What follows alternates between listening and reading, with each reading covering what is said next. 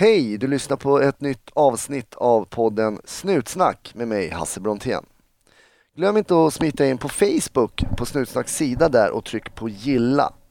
Där uppdaterar jag med lite blandad info om podden och om lite annat. Och det är också ett jättebra forum för lite feedback eller om man kanske har förslag på någon kommande gäst eller något sånt där. Jag blir givetvis extra glad om du vill dela informationen om att podden finns och dela gärna på Facebook, Twitter eller Instagram. Podden växer och det känns så kul. Idag heter min gäst Ingrid och hon är en av mina före detta poliskompisar som jag har jobbat med tidigare. Jag ringer runt och kidnappar en del av dem och, och pratar med dem vilket är kul också på ett personligt plan. Jag fick förmånen att komma hem till Ingrid och höra om bland annat det jobb hon har just nu på en enhet som jag i ärlighetens namn inte visste fanns faktiskt. Hon jobbar nämligen på djurskyddspolisen. Mm. Alla där ute, polis eller inte, var försiktiga och ta hand om er. Trevlig lyssning. 1310 1070 kom. 1310 Odengatan kom. Ja, det är uppfattat. Vi tar det. Slut. Bra. Klart slut. Men jag säger välkommen till Snutsnack, så säger jag välkommen till Ingrid. Tack så mycket, Hans. Ja, det är bra att du säger Hans. Det är, Ja. det är få som kallar mig för Hans. Det är mamma och David Batra. Ibland är det 3-3 också. Just det, precis. Du kallar mig fortfarande för 3-3 och anledningen till det är ju att vi jobbade tillsammans, var då? På Säpo.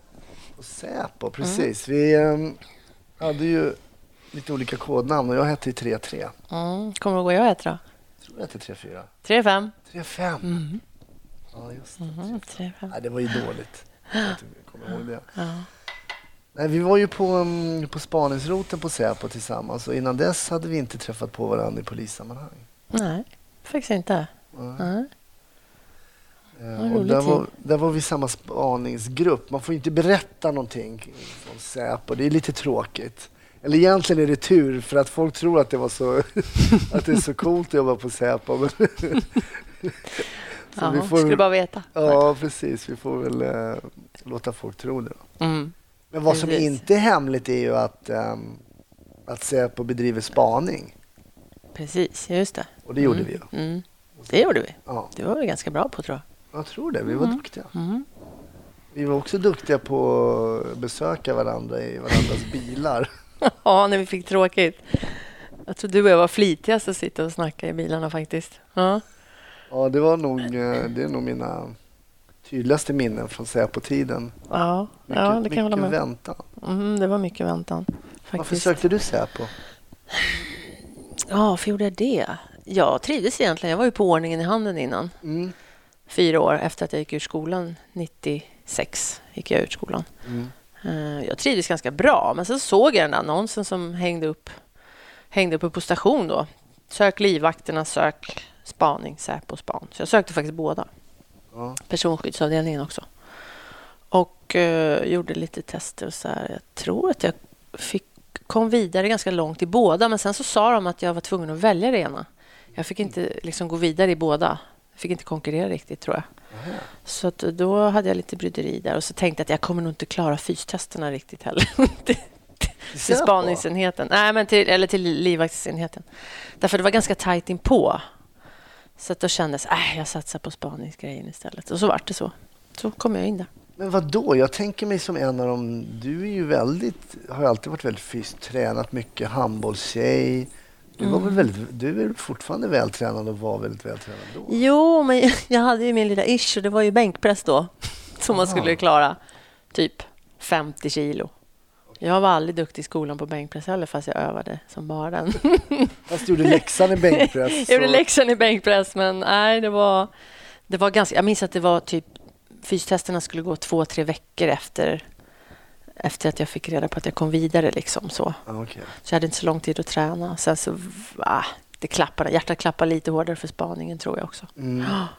Så Jag gjorde ju-. Året innan sökte jag till livvakterna Aha, och gjorde alla gjorde de där fystesterna. Jaha, du gjorde det? Ja. Ja. Men jag rök ju på psykologen. ja. Det är inget att skratta åt. Det är inte skratt åt. Jag kom aldrig så långt, så det var i alla fall bra att du kom dit. Ja. Jag blev, jag blev rent sur där för att eh, psykologen sa direkt så här, jag kommer absolut inte rekommendera dig som livvakt. Du passar inte in som det. Jag tänkte, vadå? Jag är perfekt som livvakt. För social. Exakt, det var där, du vet att det var precis där det sprack. Ja. ja, jag kan tänka mig. För outgoing. Exakt. Mm. Hon sa, du, Mm. har en alldeles för, du är alldeles för utåtriktad Mm. och för social. De Mm. söker en, så här sa hon, de söker, på livvakten söker de en betydligt mer avvaktande personlighet. Mm. Som ska hålla sig lite dold och inte synas och höras så mycket. Och inte vilja synas heller. Nej, precis. Jag vet inte varför jag passade, kom in på spaningsrutan. Nej, i och för sig. Det är lite samma sak, men uh, ja. Det är vi glada för att du gjorde, Hans. Ja, det var roliga år ändå. vi Ja, hade det var väldigt jättekul. roligt. Jag minns det med mycket glädje, måste jag säga. Det är en av min roligaste tid inom polisen faktiskt. Mm. Det låter inte så roligt alla gånger, men det var ju det. Det var roligt. Jag tycker också att det är roligt för att man tror inte ibland att ett sånt litet land som Sverige bedriver liksom eh, den typen av eh, eh, polisarbete. Lite. Nej.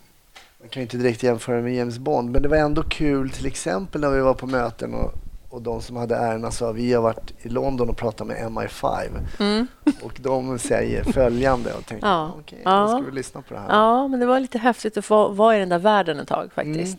Mm, Det fanns ju ganska mycket resurser där också, det minns jag. Om man Mm. jämför med öppna sidan precis. faktiskt. Mm.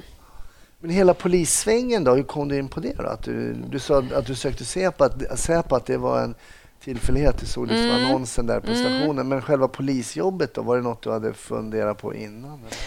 Eh, ja, lite grann. Fast det är ingen barndomsdröm sådär som många kanske har haft. Eller och inga släktingar. Jag har ingen relation så Ja.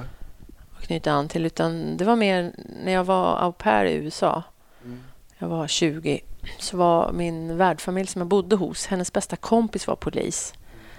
Och jag har ju eh, amerikanskt medborgarskap också, så jag fick ju vara där lagligt. liksom. Ja, just det. Ja, och då så sa mamman i familjen att om du vill gå polishögskolan här i LA då så kan du få bo gratis hos mig om du hjälper mig att passa barnen och så vidare. Så de peppade mig och ville att jag skulle söka polishögskolan i LA. Men riktigt så tuff var jag inte. Så att, eh, jag gjorde inte det. Men därför, där, däremot funderade jag mycket på det. Så när jag väl kom hem sen Mm. och hade jobbat något år eller två så tänkte jag äh, jag provar. Det vill jag. Jag vill testa. Plus att jag visste att jag ville plugga vidare. Men jag hade ingen gymnasiematte för jag gick vårdlinjen och då hade man ingen eh, gymnasiematte. Och många linjer man skulle söka, eller program hette det inte då, det hette väl linjer, så skulle man ju ha gymnasiematte. Och det var, jag hade lätt i skolan förutom matte just. Jag började läsa in det men det var för knepigt för jag hade ju liksom inte ens gymnasiematte. Så Matte och bänkpress har varit dina, svåraste ja, precis, ämnen. det kan man säga. Så jag läste in historia och svenska tredje året, för jag gick ju två år, Ja. ja. för att komma in. Och då kunde jag söka juristlinjen och polishögskolan, typ. Ja, okej. Och då, då blev det polis. Vilket jag inte ångrar. Ja, du har inte gjort det? Nej, jag har aldrig ångrat. Aldrig. Skolan då, hur var det? Polisskolan? Också? Superroligt. Riktigt kul. Ja. Ja, och den gamla skolan där, GK1 och GK2. Mm. Ja, Nej, jag hade superroligt, det måste jag säga. Kul utbildning och det var lite som en förlängning på gymnasiet ibland i och för sig. Men Det. Ja, precis. Men nej, jag tyckte det var jätteroligt. Speciellt GK1. GK2 vart ju... Ja, då kom man tillbaks igen. Det Mm. var ju liksom bara det här sista halvåret som man vill bli klart med. Men det var, ja, jag tyckte det var roligt. Träffa mycket kompisar och vänner som man fortfarande har kontakt med. faktiskt. Mm. Och sen, Mm. kom du, sen blev du placerad i handen eller? Mm, nej, Eh, jag blev placerad på Södermalm faktiskt. Nej, förlåt. Jag gjorde praktiken på Södermalm, så var det. Men jag fick inte vara kvar i stan. Det var ju på den tiden de sorterade ut många. De kunde inte ta emot så många in i stan. Så då fick jag Södertörnhanden. För jag är ju från, därifrån från början i trakterna. Mm. Där var Hur, var, hur var det distriktet då? Det var bra. Det var, jag trivs jättebra där. Det var ju lite mer landsort. Det är ju ganska stort. Södertörn var väl det största här i Stockholm, liksom, som området. Så det var ju mycket landet. Det var ju lite tätort och så var det landet och liksom stora områden att köra på. Och in i stan, där satt man kanske med någon erfaren. Här fick man ju åka med alla möjliga personer och man fick åka på alla jobb, Mm. minns jag. Mm, det. Det var ju inte så att yttre befälen åkte på allt, för det, det hanns ju inte med i de här stora distrikten. Liksom. Hur gammal var du när du var klar? Då? Jag var 24 när jag började, så 20, 27 då. Man gick ju tre år. 27 år var jag. Mm. Mm. Hur var det att vara tjej och sådär då? Tjej i den här mansdominerade Ja, världen. nej, men det kände inte jag någon... Sådär. Det var inga problem, inga svårigheter. Jag har väl alltid haft lätt att umgås med båda könen så. Jag, jag har inte upplevt att det har varit någon hård jargong eller att man har liksom be, behandlat mig annorlunda för att jag varit kvinna eller tjej. Nej. Nej. Jag har väl varit ganska slängd i käften själv också så att jag och kanske... Nej, jag har inte blivit... Eh, vad ska jag säga? Nej, men det har funkat bra. Ja. Ja, så kan jag säga. Mm. Men sen så blev det Säpo efter fyra år i Mm. handeln. Mm. Fyra år. Säpo var ju då som det hette på den tiden i alla fall en kommendering. Mm. Liksom man fick en tidsbestämd Mm. period. Fyra år var det väl vi fick? Ja, precis. Du slutade väl lite innan om jag inte minns fel, för du skulle göra lite karriär där. Just det, jag trodde att jag var rolig. Ja. Nej men så var det. Jag började med stand-up comedy och insåg att kanske inte kombinationen stand-up comedy Säpo var så bra kombination. Eh, så jag fick ju en tjänst som lärare på polisskolan. Då. Mm. Så just det, det var så det var. Du Mm. började med det. Men jag kan säga att du har en du har en rolig, det är en rolig händelse med dig Ingrid. För det var nämligen så att jag såg en annons Mm. i DN eller om det var Metro. Metro var det, tror jag. Ja, stod jag så här, kommer är ihåg du det där. rolig? Mhm. Och i lönndom så skrev jag en ansökan till den här kursen på Dramatiska institutet Mm. i stand-up comedy. För jag tänkte att det där skulle låta spännande. Så kom jag upp, vi var på Säpo, vi var uppe på eh, liksom, HQ där, eh, högkvarteret. Mhm. Skulle ha de möte och så kommer du fram till mig och säger så här, Hasse, jag tycker du ska söka den här. Och så pekade du på den här. Ja, det kommer jag ihåg. Det tänker jag på ibland. Och, vet du, och då har jag alltså kuvertet i handen där jag har lagt in min ansökan. Och så, det här är helt sjukt men jag har den här. Och sen postade Ja, det den. där kommer jag ihåg, för det satt vi och pratade om i bilen sen. Ja. Ja, Helt jag otroligt. det var jätteroligt. Och sen kom jag in på den där kursen och sen resten är historia. Men Sen fick ju vi komma och titta på din debut på Norra Brunn. stackare, jag, jag ber om ursäkt för det. Jag Nej. ber ursäkt för det. Ni Jag får, tror det är eh, roligt åt alla er debutanter där. Jag tycker det var bra. Oj, oj, det här får vi klippa bort. Nej, eh, nu ska vi inte prata om min eh, stand-up. Men eh, sen så slutade ju du på Säpo då. Ja, precis. Eh, Och vad, vad hade du några funderingar kring då? Så här, vad gör jag efter det här? Eller ville du, Eh. hade du tankar på att stanna kvar Ja, Säpo? men det hade jag ju. De, de, de flesta av oss ville nog stanna, tror jag. Men de hade ju nästan inga fasta tjänster. Det var det som var problemet. Och det var ju kommenderingar. Mm. Så det var ju några få som fick fast tjänst. Och resten fick ju gå tillbaka till sina hemdistrikt. Och då hade ju inte jag min tjänst kvar. Ja, Det fanns ju inte, för det var ju helt nytt där då. Från Näpo-tiden och det här. Mm. Eh, Så då hamnade jag i en pool. Så då fick jag söka en ny tjänst. Jag hade bara kvar min tjänst i Södertörn. Så då sökte jag det här SGI som det hette, Särskilda gänginsatsen i Södertörn. Som från början hette Fittja-kommissionen Okej. och sen bytte namn. Och vad var de satta att göra då? Eh, Vi jobbade mot eh, yrkeskriminella, kriminella nätverk, gängbrottslighet. Vi jobbade mest civilt, gjorde vi. Störa, störa och ja. Eh, Jobba mycket med tips, uppgiftslämnare och så. Tillslag på, på alla möjliga ställen och ja. Hur var det då? Jo, det var ju helt annorlunda. Jag var lite ovan. Jag hade ju jobbat helt civilt och inge, liksom helt avklädd i stort sett som spanare. Och inte någon konfrontation, inte pratat med någon, några busar så att säga på, någon, på fyra år. Så det känns lite konstigt att helt plötsligt kastas in i totalt tvärtom.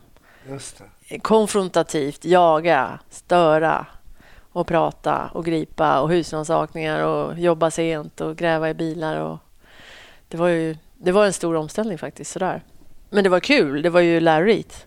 Och vi har också en liten tight grupp, precis som vi hade på Säpo. Ju. Mm. Vi var en liten grupp, eller vi var fler grupper då. var vi ju. Kommer inte ihåg om det var tre eller fyra grupper, men, men i varje grupp var vi väl en åtta kanske och sen en gruppchef. Och vi var ju jättetajta liksom. Kände Så du att kul. kunde göra någon liksom impact där mot de här gängen? Ja, men det, det tycker jag. Det gjorde vi nog. Vi jobbade ju mycket. Vi, jag tyckte vi åstadkom en hel del. Och vi var ju väldigt på. Alla var väldigt drivna. Väldigt eh, mycket vilja liksom Mm. att göra, göra saker. Men Sen blev det mindre och mindre. Det är som alltid. Resurserna skärs ner och folk slutar och det anställs inte nya. Så vi gick väl från fyra eller tre grupper och så ner till två och sen var det bara en och sen så blev det liksom mindre och mindre. Det finns inte den gruppen? Den finns inte längre, nej. När jag slutade så fanns det en grupp kvar men den gick väl in i span sen tror jag. I Södertörn liksom. Så tyvärr så, så finns det inte kvar. Alltså man blir ju uppgiven Ja. fast man inte jobbar som polis. Mm. Men när man ser att folk går i pension, Mm. folk går till eh, privata eh, marknaden Mm. och så ersätts inte de här människorna med nya poliser. Och det behöver man inte vara någon Einstein för att förstå att det här ekvationen håller ju inte till slut. nej. nej, supersorgligt för det är liksom ingen... Det kommer säkert andra små grupper ute på näporna, som det hette då, nu på loporna, liksom, lokalpolisområdena som jobbar. Mm. Det gör det säkert, men, men innan de har etablerats så jag vet inte riktigt hur det funkar. Men eh, jag tror att det blev lite fritt spelrum ett tag för, för vissa gäng och nätverk när vi försvann faktiskt.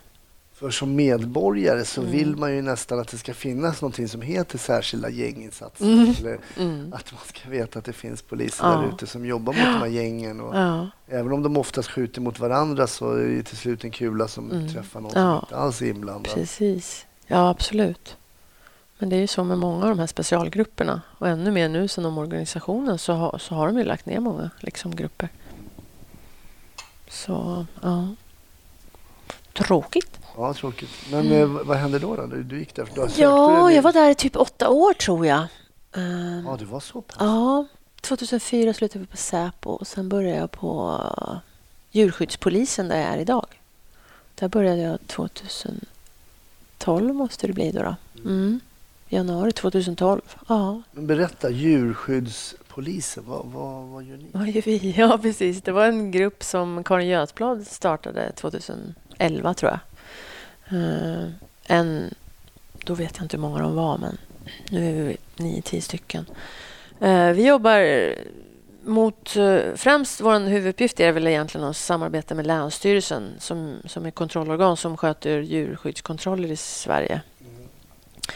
Och då åker vi med dem på handräckningar och ser till så att de kommer in i lägenheterna och gör sin kontroll och att det går säkert till. Vad kan Så det vara för kontroll? det kan vara om djur eh, far illa. Folk anmäler. De kanske ringer till oss, men det är egentligen Länsstyrelsen som, som är kontrollorgan. Då ska ju Länsstyrelsen åka dit och kontrollera om hundar de kommer inte ut, eh, de får rastas aldrig, de får ingen mat eller de kanske står utstängda på en balkong. Eh, slagna, då är det djurplågeri i och för sig. Då blir ju polisen inkopplad om det är brott. Så. Mm. Men om det är lite mer svävande så att eh, ja, den här damen, eller hunden är sjuk. Många gånger är det djur som är jättesjuka som haltar. En del är lama och släpar sig fram. En del har cancertumörer, en del kan inte gå, du vet. Då, då anmäler de ju det och då åker Länsstyrelsen på kontroll. Men vad har du för så djur? Är du uppvuxen med djur? Eller? Nej, jag har bara gillat djur i, liksom sedan jag var liten. Men det är inget sånt här extremt djurintresse längre. Det är mer att jag ville prova något nytt. Ja. En ny grupp, kul, göra något annorlunda. Mm. Sen kände jag en som jobbade i den gruppen som jag pratade med och som trivdes väldigt bra. Och de behövde ju folk så då, då sökte jag. Och Från särskilda gänginsatser till särskilda djurinsatser. Ja, precis. Det var, en liten, det var ett litet kast där. Ja. Men, eh, nej, men sen har vi ju en egen utredningsavdelning där vi utreder brott, djurplågerier och brott mot djurskyddslagen. Hundar som släpps ut eller som smiter och biter människor eller biter djur. Det blir en utredning av det. Ja, så allting som har med djur eller folk som blir sjuka eller gripna, anhållna häktade eller dör och ingen kan ta hand om deras djur. Det händer ju ganska ofta. Mm. Och så ringer någon och säger det är en katt eller en hund i den här lägenheten som har varit själv i flera dagar. Då får ju vi omhänderta djuren. Eh, Kronofogden, om de vräker människor, det händer ganska ofta att då lämnar folk sina djur i lägenheterna och så drar de innan Kronofogden kommer och så tömmer de och så hittar de en en gång när vi kom så hittade vi en hund som hade varit, jag vet inte hur länge den hade varit, men den hade var kvar i lägenheten. Det var ingen hemma kvar där. Och så började de lyfta i all bråte. Det ligger en hund där under. Som bara är lämnad liksom. Mm. Jättetragiskt. Det är ju ofta väldigt mycket misär i de här fallen. Liksom människor som mår väldigt dåligt, som inte kan ta hand om sig själv eller sina djur. Och så blir det bara värre och värre. Det finns inga pengar, det finns inga vänner, det finns inget nätverk som kan hjälpa dem. Och så fallerar allting. Och så är det någon då som får nys om något eller kommer in i lägenheten och ser åh gud, det här är ju... Det måste göras något. Och så, så blir vi inkopplade på det sättet. Mm.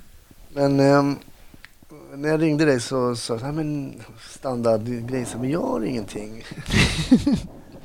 ingenting, så då har du visst det. Men är det då någonting från särskilda gänginsatsen eller från Säpo eller vad, vad, den historien som kom upp, vad, från var kommer den ifrån? Den kommer faktiskt från sista arbetsplatsen här på djurskyddspolisen. Gör det faktiskt. Ja, Vad var det, vad var det för ärende? ja men det var ett ärende som jag... Som folk frågar ju ofta vad, hur det är att vara polis och vad är det värsta som har hänt och lite sådär. Eh, Och det här var väl en händelse som, som skedde 2012. Jag tror att det var ganska kort efter att jag började på den här gruppen. Eh, Och eh, det var så att vi hade varit och förhört en kille hemma i bostaden i, ett ärende. Han hade en pitbullhund. Det är mycket skad, skador vållande till kroppsskada och så vidare av de här av många hundraser. Det här var en pitbull då, en amstaff-blandning eller någon sån där liten Mm. kamphundsaktigt. Och han hade flera anmälningar på sig i, det här ärendet och vi skulle förhöra honom gällande en händelse då. Och vi var Hade hemma hans- där. vadå, hans hans- hund hade bitit. En person? Ja, dels personer och hundar. Det hade skett vid flera tillfällen. Okej. Ja. Och då till slut så, så ja, skulle han ju bli hörd i det här. Och vi åkte hem till honom och hörde honom och ja, det gick bra, det gick lugnt liksom. Och så vi åkte vi därifrån. Och sen efter ett tag så hände det ju mer händelser då. då. Mm. Vilket eh, till slut mynnade ut i att, att hunden skulle bli omhändertagen. För sker det tillräckligt mycket så är det klart att då måste ju hunden omhändertas. Mm. Eh, och testas, mentaltestas. Okej. Och den här personen kanske inte är lämplig att ha den här hunden heller. Så att det blir ju liksom en, en utredning. Och då var, det, var vi tre kollegor, det var jag och två killar i gruppen till som skulle åka hem till honom igen då. För att hämta För hunden? att hämta hunden, precis. Nu var det inget förhör, utan nu skulle de omhänderta hunden. Och det är ju lite känsligt alltid de här ärendena, för man vet ju inte hur de ska reagera. Det är ju oftast väldigt traumatiskt. För många är det ju som en familjemedlem eller som ett barn. Mm. Eh, Det är ju klart att skulle någon komma hem till mig och vilja ta mina döttrar så skulle man ju bli väldigt förtvivlad. Mm. Det är ändå en hund. Ah, Alltså nu, nu, nu låter jag, Ja. ni som har hundar tycker att jag Mm. låter jättekonstigt. Men, men det är ändå Mm. skillnad på hund och Mm, barn. mm. Men för många är det ju inte Jag det. Speciellt de här människorna är ju ofta väldigt, väldigt... eh, den här killen då var ju inne i ett missbruk. Mm. Så han mådde väl inget bra i grunden heller. Då. Och så när vi kommer och ringer på och och förklarar, vi förklarar delvis när, innan vi kommer in vad vi ska göra. Men vi hade inte riktigt sagt hela, det gör vi när vi kommer in, varför vi är där så. Mm. Vi bad att få komma in i lägenheten och då var vi tre stycken. Eh, Och vi ser ju att han är påtänd. Eh, Han har ju tagit någonting. Eh, Hur ser ni det då? Ja, dels på ögonen och hans sätt. Han pratar väldigt släpigt. Det är så här torr i munnen. Och ja, han var inte riktigt med. Liksom. Han, han ja, lite svårfokuserad. Och vi försöker förklara vad, vad vi gör där. Och så tar vi upp vårt beslut. Vi har ett beslut med oss från, från chefen då att ja, och förklara att vi ska omhänderta din hund för det här och det här har hänt. Och han förstår väl inte riktigt först, men sen efter en stund så, så går det väl in vad vi säger att, att vi kommer omhänderta din hund. Och då så, så säger han bara så här. Ni, ni tar inte min son, säger han. Och vi står där och tänker, ja nej. Fast vi, vi måste ju genomföra det här. Och det, är ju, det, är- det är inte din son, det är din hund. Men vi förstår att det känns väldigt jobbigt. Ja, så pratar man mer och mer. Varav han på helt plötsligt vänder sig om och går ifrån oss. Och då står vi i en hall. Alla tre står ju hyfsat tätt och han står framför oss. Och sen så vänder han sig om och så går han in i köket. Det är en sån här lägenhet man kan gå runt i. Det är som en liten ö i mitten. Liksom. Så går han in till köket bara. Och så, så ställer han sig med ryggen mot oss. Och vi försöker liksom få hans uppmärksamhet att han ska komma tillbaks. Vi ser ju inte riktigt vad han gör. Och då går han fram till en kökslåda. Och så lyfter han ut, drar han ut lådan och så, så lyfter han upp en kniv. Och så tittar han Så på en den. kökskniv? En kökskniv, en stor kökskniv. Ja. Och så lägger, eller en stor, den var inte tillräckligt stor om man säger så, för han lägger ner den och så tar han upp en ny. som var än större och tycker väl att den här räcker. Och då tror jag, om jag inte minns fel, att en, min ena kollega har sprungit liksom, gått lite till höger för att stå från ett annat håll, lite bättre vinkel och se vad han gör. Liksom. Och vi börjar skrika till honom, släpp kniven, eh, ja, allt för att få liksom... Men han är ju lite i sin värld eftersom han har tagit någon typ av droger eller läkemedel eller något. Så vänder han sig om och så går han mot mig och en av mina andra kollegor. Hur har han kniven då? Han har ju kniven uppe så liksom. Han håller med i handtaget och så håller han med bladet uppåt liksom. Så han har liksom handen i axelhöjd? Ja, typ så. Ja. Och så går han mot mig. Men sen så vänder han lite och så ser han min kollega som har gått lite till höger på andra sidan av den här ödelen så att säga. Ja. Då vänder han så börjar han gå mot honom. Varav den kollegan då inser att men gud, han kommer ju här liksom. Och då backar han. Och sen så backar han och sen så går han ut på... Han har liksom ingenstans att ta vägen. Och vi står ju står på ett annat ställe så vi ser inte riktigt vad som händer eftersom det är den här ön, den här väggen är ju emellan. Varav den kollegan då springer ut på balkongen. Och den här killen, han går efter min kollega och sen eh, så ska han följa efter honom ut på balkongen. Och vi har ju dragit vapen vid det här laget liksom. Drog du ditt vapen? Ja, I vilket, alla... Vilket skede drog du ditt vapen? Det gjorde jag tidigare. Tror jag. Jag minns inte riktigt allting. Men, men jag vet att jag hade dragit vapnet i alla fall när han går efter min kollega mot balkongen. Ja. Och vi skriker ju släpp kniven, släpp kniven och ja, allting. Och att vi är poliser, för vi var ju civilklädda. Men vi har ju alltid visat våran... Jag har redan visat längst. Jag tror, eller vänta, vi var vi civila? Ja, det ska jag inte svära på, för ibland är vi civila, ibland i uniform. Men vi var nog förresten i uniform. Det känns som vi borde varit det vid det här läget.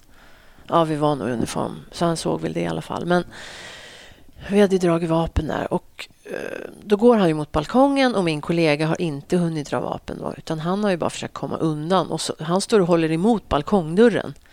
Och den här killen, han står och trycker på dörren och vill ut till vår kollega. Och vi står där med kniven i handen. Och jag tänker, ah, men gud, det här är ju värst. Det är ju nödvändigt liksom. Ju Tänker du på lagstiftningen Nej, inte, inte just nödvändigt, men jag tänker, nej, jag tänker bara att jag borde, vi måste göra någonting. Men vad ska vi göra? Och tankarna snurrar i huvudet. Men jag inser, jag kan inte skjuta. Att, Du tänker ändå tanken, jag borde skjuta honom? ja, Eller alltså, ja, om han, hade han gått ut eller krossat rutan eller fått upp den här balkongen, för min kollega stod ju med båda händerna så han kunde inte själv ta upp varken pepparspray, batong eller vapen för han var tvungen att hålla emot dörren. För den här killen stod och tryckte på den och ville ut till honom. Så jag, jag och min, min andra kollega, min tredje då, han, vi står ju där och försöker skrika och få hans uppmärksamhet. Eh, hur, hur riktar du vapnet mot honom? Eller hur? Ja, det gör jag. Men jag inser att jag kan inte skjuta för min kollega står bakom. Så den här gärningsmannen står emellan. Det är glas. Dels står, står ju gärningsmannen emellan mig och kollegan. Ja. Och sen är det glas ut ju. Och jag ser ju, det är ju hus bakom med fönster.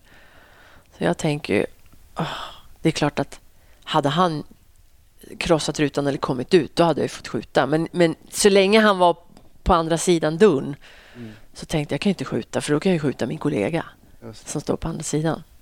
Och det tror jag att min andra kollega också kände. Men Kommer du ihåg att du ändå tänkte du tänkte på de här sakerna i alla fall? Liksom. Jag kan inte skjuta. Ja, det tänkte jag. Jag borde skjuta men jag kan Ja, inte nej. skjuta för det finns inte liksom... Sen kan man fråga sig varför inte pepparspray, men det var ju ingen verkan heller för han stod med ryggen mot oss. Så jag skulle, man skulle ju kunna gått fram och dunka på honom. Och det, det hade vi förmodligen gjort om inte det hade blivit en annan situation. För det känns ju som tiden går jättelångsamt, men det gör det ju förmodligen inte. Så medan han står där och bankar och vi skriker så går ju min kollega runt den här ön så han kommer lite närmare den här killen från hans vänstra sida på, bakom honom och skriker. Och till slut vänder sig den här gärningsmannen om då och lyssnar väl till slut på vad vi säger och börjar gå. Då går han tillbaks in mot köket. Bara Dennis och jag, min kollega då, vi springer ju ut mot dörren och skriker till Mange. Kom Mange, skynda dig! Eh, så Mange, han, då, han kan springa in från balkongen till oss innan. Liksom, för gärningsmannen har ju gått runt den här lilla väggen, den här lilla ön igen. Mm. Vilket var tur att han tog den vägen. För hade han inte gjort det så hade ju den andra kollegan på balkongen fortfarande varit bakom honom på något sätt. Eh, så vi, vi tänker att ja, men vi, vi, vi får ta oss ut därifrån. Eh, så min kollega från balkongen kommer ju in och vi tre får upp dörren och springer ut i trappen. Och eh, jag minns att jag hade min väska på golvet där. Jag får väl upp den och, och fibblar upp dörren där på något sätt. Och mina kollegor tycker att jag är långsam, det säger de ju sen. Oh, jag trodde aldrig du skulle komma ut. Och vi rämmar ner för trappen där med honom efter oss med kniven i högsta hugg. Och min kollega som var sist var inte speciellt långt framför så att det var, det var väldigt nära. Men då ramlar den här gärningsmannen i trappen. Som tur är. Helt plötsligt så hör vi hur det tumlar och faller och låter där. Vilket gjorde att vi fick ett litet försprång. Så vi springer ut på gården. Och han kommer med oss ända ut på gården med den här kniven. Han reser sig upp då i trappen och springer efter oss. Det är en bit ut. Liksom. Det är en ganska stor port och en ganska lång gång. Har någon av er försökt tillkalla någon form av förstärkning? Här? Nej, vi har inte hunnit det under Nej. tiden. Liksom. Det var inte fokus på det just då. Nej. Men så fort vi kommer ut på gården så sprids vi där och sen börjar vi ju tillkalla, prata med varandra och sen blir det ju, ja, vi samlar väl ihop oss där. Och han, eh, den här gärningsmannen går ju tillbaks upp i lägenheten för efter en stund så hör vi, det öppnas ett fönster så hör vi polisen, polisen kom och ta mig. Eller något liknande. Så. Ja, så ska vi retas lite eller något. Men, ja, nej, men sen så får vi ju kalla på förhandlare och piketen kommer ju där och ska ju ta sig in då till honom. Eh, För vi har ju även den här hunden att tänka på. Det den hade han ju låst in i ett rum när vi kom. Så från början så var ju den inte lös. Eller den var ju det, men han låste in, så fort vi kom in i lägenheten så hade han ju stängt in den. Vi bad honom att stänga in, stänga in hunden, som tur var. För att annars hade ju den också kanske börjat attackera eller något. Så den skulle ju hämtas sen då, hunden omhändertas. Och han skulle ju omhändertas. Men eh, innan då, ja, de försöker ju att få kontakt med honom där inne eh, och ringa in tror jag och så vidare. Och det blir mycket diskussioner hur vi ska göra. Men till slut så får ju piketen gå in där då. Och då har ju han eh, eh, gett hunden massa tabletter av sina egna förmodligen. Det som han har tagit. Någon narkotika eller läkemedel, vet inte. Så när, när piketen kommer in då ligger ju hunden helt eh, avsvimmad eller medvetslös på golvet i hallen. Och han ligger i något rum, något av sovrummen där. Också avseende. Ja, helt borta han också. Så det vart ju det vart ju akut snabbt att åka in till Bagarmossens djursjukhus med hunden och han blev ju tagen till sjukan också. Hur gick det med, gick det med han och med hunden? Och... Ja, han blev väl magpumpad och han eh, piggnade ju på sig så småningom. Hunden eh, blev också magpumpad men den fick ju så pass mycket skador invärtes så den fick avlivas sen. Mm. Så den klarade sig inte. Var kanske trots allt ingen bra hu- hundägare? Eh, nej, det kan man väl säga att han inte var. Nej. Vad ledde Så- det här till rent... ehm, vad blev eftermälet rent rättsligt? här? Ja, han blev dömd för eh, olaga hot och narkotikabrott. Blev han. Mm. Så vi fick vittna på det sen. Hur, när ni är klara med det här ärendet för Mm. dagen, så hur Mm. diskuterade ni? Liksom, det här är en väldigt speciell situation. Som Mm. jag förstår så är det en ganska liten lägenhet. Då. Ja, en trea, ja, en trea var det i alla var fall. trea, Ja, det var en trea. som Balkongen är- var ju liksom ut från vardagsrummet. Ja. ja. Mm, Men Jag tänker, det är ju inte en Mm. klassisk övningssituation. nej. Ehm, kanske det här att man blir... När någon möter en med kniv har man ju Mm. övat på Mm, mm. eh, några gånger. Jag vet Mm. att vi i alla fall vi gjorde det på Säpo Mm. också. Då, reaktionstester och sånt där. Men Men man inser, den, den korta sträckan som vi hade mellan oss så hade vi liksom inte hunnit nästan. nej. Eh, Det var, han var så pass nära och det vet man ju när man har övningsskjutit att är de kortare än sju meter så hinner man knappt. Nej. Och han var ju kort, långt kortare än det. Det var två, tre, fyra meter. Så det var väl liksom att man började dra vapnet snabbt där och sen så lite det här, ja. Man var upptagen, händerna var upptagna av det. Man kan ju fråga sig själv, men pepparsprayen då? Kunde vi inte använt den eller batong? Men på något sätt var det inte läge liksom. Jag vet inte. Det, nej. vi hade, både jag och min andra kollega, som, han som inte var på balkongen, vi hade ju vapen. Eh, Men det är klart, har du ett vapen i handen, Mm. i det här fallet Ja. en pistol, så Ja. kanske det är svårt att ha ett annat vapen. ja, det är ju det. Då ska man liksom kanske ja, växla att en stoppar ner och en provar med pepparspray. Men samtidigt, ja. Om vi hade börjat med det när han stod så nära och hade missat om inte pepparsprayen hade tagit kanske. Han var så fokuserad på oss. liksom. Om man hade sprutat den här och inte det hade tagit, vad hade hänt då? Han var så nära. liksom. Tills han gick iväg då mot balkongen. Men visst, jag funderar jättemycket på om man kunde ha gjort bättre eller om man hade behövt skjuta, tänker jag. Herrejösses. Och kollegan hade stått där bakom. Jag tänker, är det någonting som du har... För det var, var det första gången du var i den här situationen med alltså kniv så nära och hot Ja, det var det. kolleg- Ja, faktiskt. Det var det på alla år. Liksom. Man har varit Hur- polis i 24 år. Liksom. Ja. Så.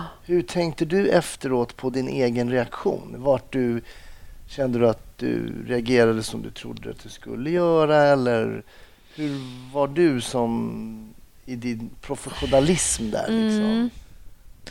Du berättar ändå, ändå att du tänker liksom, jag kan inte Ja, skjuta nu. Nej. Kunde du ändå vara så samlad att du kunde tänka ner i de här olika delarna? Av Det har man ju ofta funderat på hur man skulle reagera om man skulle liksom tänka.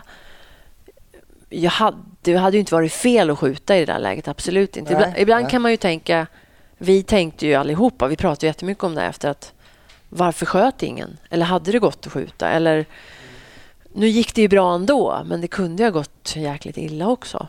Men eh, nej, jag tänker väl liksom att det blev ju det blev ju bra i slutändan. Men det är klart, eh, tankarna fanns ju där ofta att vad nära det var om han nu hade tagit sig ut på balkongen med, med den där stora kniven.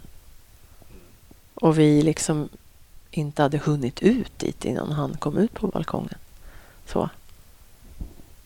Men, eh, ja. Alla, Det är, man har ju dragit vapen förut och varit i lite, lite situationer, men inte så här allvarligt och så här nära. Liksom. Har jag aldrig varit. Den här känslan, och du säger att ni märkte att han var påverkad av någonting, Mm. om det kanske var medicin eller narkotika eller någonting. Mm. Hur förändrar det honom som gärningsman? Jag tror ju att, eh, att hade han inte varit påverkad så hade han ju förmodligen aldrig gått ut i köket och hämtat den där kniven. Utan han hade blivit otroligt ledsen, frustrerad och, eller väldigt förbannad på oss. Men hade väl, och kanske möjligtvis bråkat eller något, motsatt sig det. Men jag tror inte att han hade gått så långt så att han hade gått och hämtat en kniv. Och han hade ju säkert använt den om han hade fått läge. Den, det tror jag att narkotika eller mediciner, den där sista känslan att vissa saker gör man inte, det tar man bort med de drogerna. Liksom. Då tänker man inte så långt. Man, man får inte någon konsekvenstänk och tänka att det här kan jag inte göra. Utan Men det här om vi går tillbaka till vapnet, har du Mm. tänkt från och med att du var färdig eller kanske, eller egentligen från utbildningen start, har du tänkt så här att en dag kanske jag måste liksom skjuta en annan Mm. människa? Ja. Jo, men det har jag tänkt. Och hade det liksom inte varit någon bakom ett annat läge, då hade jag ju skjutit. Det hade jag gjort. Om inte kollegan hade stått bakom, han hade haft en annan vinkel. Eller om det inte hade varit fönster och ett hus på andra sidan. Som jag skulle riskera att träffa någon, så hade jag nog skjutit. De, När han gick mot oss, om jag hade haft lite längre avstånd och han fortsatte gå. Liksom. de övningar som du har haft eh, Mm. som eh, ända från polisskolan och sen har man ju Mm, kontinuerligt Mm. eh, träning, skytte och praktisk skytte och så här. Hur mycket satt det så att säga i ryggmärgen där när du... Eh, Mm. hur så att säga, kanske en konstig fråga men hur normalt kändes det att dra vapnet? Alltså kändes det som en naturlig rörelse? Ja, det kom ganska naturligt. Gjorde det. Vilket kanske var både bra och dåligt i den här situationen. För att hade jag inte dragit vapnet så fortare och då kanske jag hade haft händerna fria att använda pepparsprayen eller batongen. Vi vart ju lite låsta där på det sättet. Faktiskt. För hade en av oss haft pepparsprayen uppe så kanske vi hade använt den istället. Då hade vi inte ens haft situationen med att han hann gå efter kollegan och stå där. Då kanske han hade kunnat övermannats på ett annat sätt. Jag tänker på batong då. Ja, Hade ni batong? ja, Jag har nu den här ex- ja precis. Jo, den har man ju alltid med sig i kopplet. Liksom. Men eh, Ja, det är inte så ofta man tar upp någonting av de där attributen. I alla fall inte jag. Och inte på senare tiden i alla fall. Faktiskt inte. Så det, är- det är ju när man övar, men annars är det sällan. Och På den här avdelningen som jag är nu så, så pratar vi väldigt mycket med folk. Vi är ganska gamla i gamet allihop och rutinerade. Så att vi har ju ingen bråttom i våra case heller. Så vi tar ju tid på oss och försöker prata med folk. Så vi kan ju vara i, i lägenhet eller hus flera timmar ibland. För vi har inget bråttom, för vi förstår att det är en jobbig situation när vi ska omhänderta folks djur. Så att då tar vi tid på oss, vilket ofta lyckas. Det är väldigt sällan vi bråkar. Så ni Vilket är man lite kan som tro. förhandlare? Då, Ja, eller? lite så är det ju faktiskt. Vi får vara psykologer och förhandlare och lite poliser, lite allt i ett. Faktiskt. Så att... eh, Mm. Sen är det alltid så lätt att vara efterklok. Ja, Eh, det är det ju. Och särskilt någon som kanske inte ens har varit på plats. Nej, men precis. Det kan jag tänka mig många som sitter och lyssnar. Men varför gjorde de inte det och varför gjorde de inte det? Nej, så skulle jag kanske också ha tänkt om jag inte var i den situationen. Lite. För det som du säger som är intressant och som dels går ju alltså väldigt fort Mm. och han är också väldigt nära, ju Mm, är i en ja, lägenhet som ja. ändå är ett ganska litet utrymme Mm. Mm. trots allt. Ja, det är det ju. Och sen någonstans i bakhuvudet så är väl säkert lite det här också att det är ju... eh, Det ska ju mycket till innan man skjuter en människa. Liksom. Men, men jag hade nog inte tvekat om det, om det hade varit lite mer annorlunda. Faktiskt. Om det inte var så att eh, risken att träffa någon annan hade varit så stor. Mm. Och efter det här så, så ändrade vi våra rutiner. För förut, innan dess, så åkte vi ofta två kollegor. För då var vi två patruller. Då delade vi upp oss på två jobb. Liksom. Men här hade jag en känsla innan vi åkte ut att nej, jag tycker inte vi ska vara bara två. Kanske ska vara fyra, men då var den fjärde kollegan kunde inte för han var iväg på något annat. Så då vart vi tre, vilket ändå kanske... Ja, jag vet inte om det har någon betydelse just i det här, men efter, efter det här sen så åker vi nästan aldrig två längre. På omhändertaganden. När vi åker på kontroller och andra jobb så åker vi två. Men om vi just vet att vi ska omhänderta och det är en, kanske någon knepig person då försöker vi åka tre, för då kan ju en kanske ta djuret och två bli kvar i lägenheten och prata med ägaren. Mm, så man aldrig ska behöva stå ensam. Liksom. Det känns som man måste vara rätt... Jag skulle inte kunna hämta en hund. Jag vet inte hur man gör. Kom nu, var hunden? Eller ska man ta i kopplet? Ja, Eller? det beror på om det är snälla liksom, hundar och djur. Då, då, då tar vi dem själva. Men sen har vi ju samarbetspartners som är experter. Så är det argsinta djur, eller Just det. hundar då är det oftast tal om. Då tar vi med dem Ja, ja, och sen så får de ta djuren faktiskt. Nej, Ja. för jag tänkte du sa pitbull. Jag blir rädd Mm. jag bara hör det. Liksom. Mm. Jag har ju respekt för Nu ska jag inte säga att det bara är pitbulls faktiskt. Nej, jag menar det. Jag- men jag jag- sa det, men jag menar det är ju många raser som, som och även små hundar kan ju vara bitska. Men de här större raserna är ju flera raser såklart. Som, Nej, jag förstår det. Och folk som kan hundar missförstår Ja, inte mig. nej, men, men men, jag kan det. inte det. Men Mm. jag, det är det som jag har hört Ja. att pitbull kan vara om Ja. de inte är uppfostrade rätt. Och så där. Så precis. Ja. Jag förstår att det kan vara. Men alltså en, en galen chihuahua är väl liksom inte Mm. Nej, de farligt, kan man väl hantera själv ganska lätt. Men det är ju även om vi åker och ska omhänderta massa katter. Det finns ju väldigt många som har väldigt för många katter i sina hus och lägenheter. Då får vi också ta hjälp av liksom, Ja. olika samarbetspartners. Som, vi kan ju göra det, men det, det är lättare om man har folk som är mer experter på det där. Så vi gör ju inte allt själv. Liksom. Det många katter inte. har du varit med om att hämta i en lägenhet? Det mesta var nog typ 50 kanske. Runt 50. Sen är det ett ställe som vi har jobbat på i flera år då, som hon har djurförbud. Det är oftast när de har djurförbud. Så där har vi varit tillbaka under flera år och tagit, eh, jag tror att det var typ 110-120 katter genom åren. Mm. Matar in vildkatter då liksom och ska ha dem. Så att, ja, det finns att göra. Men det är samma sak om det är kräldjur, ormar, spindlar så får vi ju ta, då blir det ju Skansen som får komma och hjälpa till eller någon som, som är bra på det. För jag menar, vi är ju inga experter på, på giftormar och giftspindlar. Jag har ingen lust att stoppa ner handen i terrarium och plocka upp en Jo, men du får väl spotkobra eller visa något. upp eh, pepparsprayen först. Ja. Ta min lilla tång och sticka ner.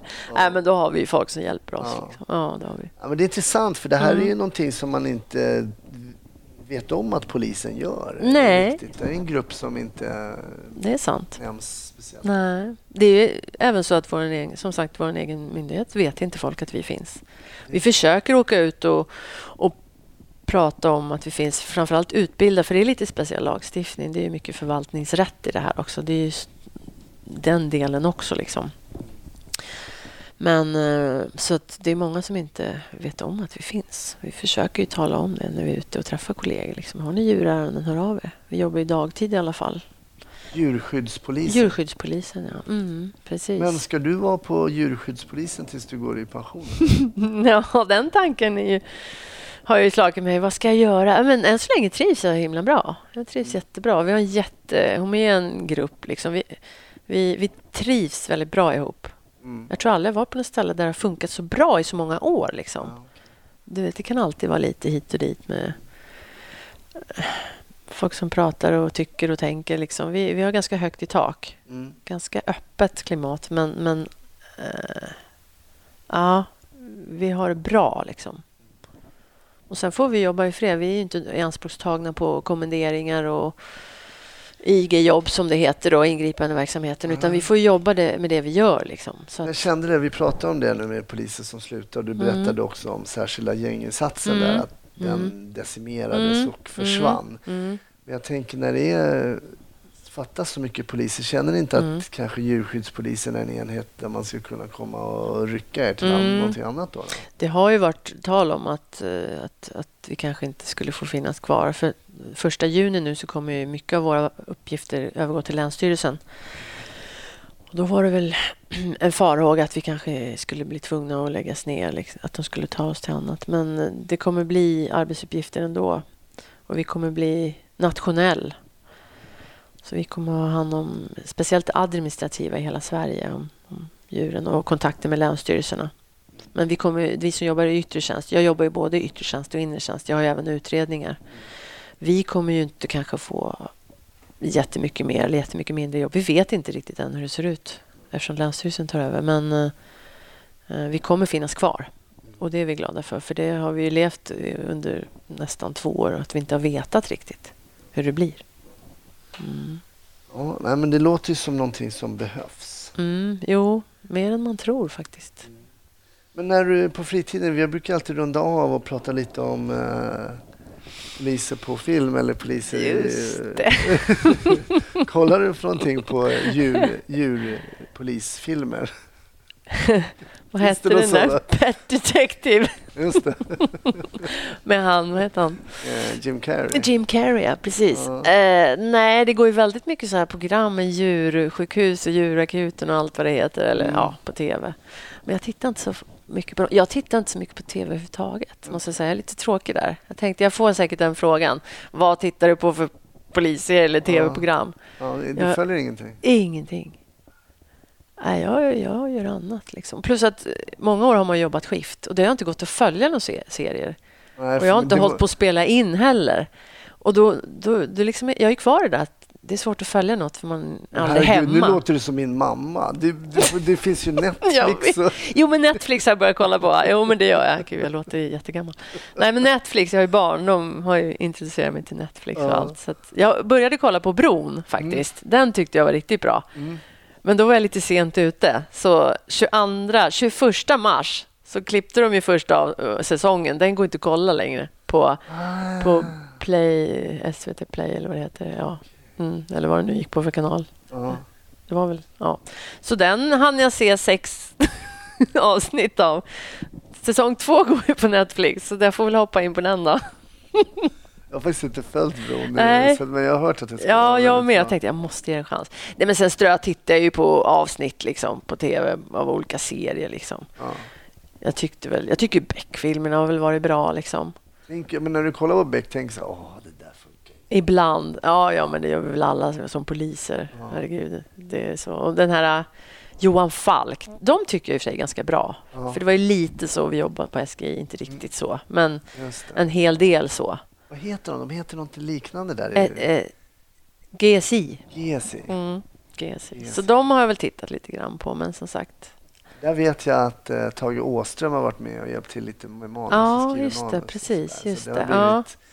Tror jag är väldigt eh, verklighetstroget. Ja, men den är ju det. Ja, där. faktiskt. Det tycker jag nog att den... Därför har den varit kul att titta på. Jag tycker, alltså, tycker jag. Mm. Ja.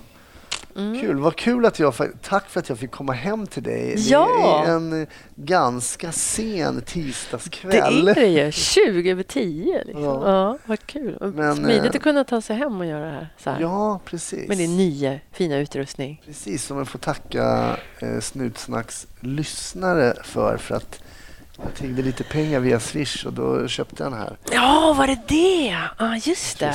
Så det är Mm. fantastiskt att kunna vara mobil på det här sättet. Mm. Eh, stort tack Ingrid. Ja, men Eh, tack själv för att jag fick vara med. Ja, det var Ja. det lilla. Och, ehm, ha det bra. Ja, detsamma. Hej då. Hej då!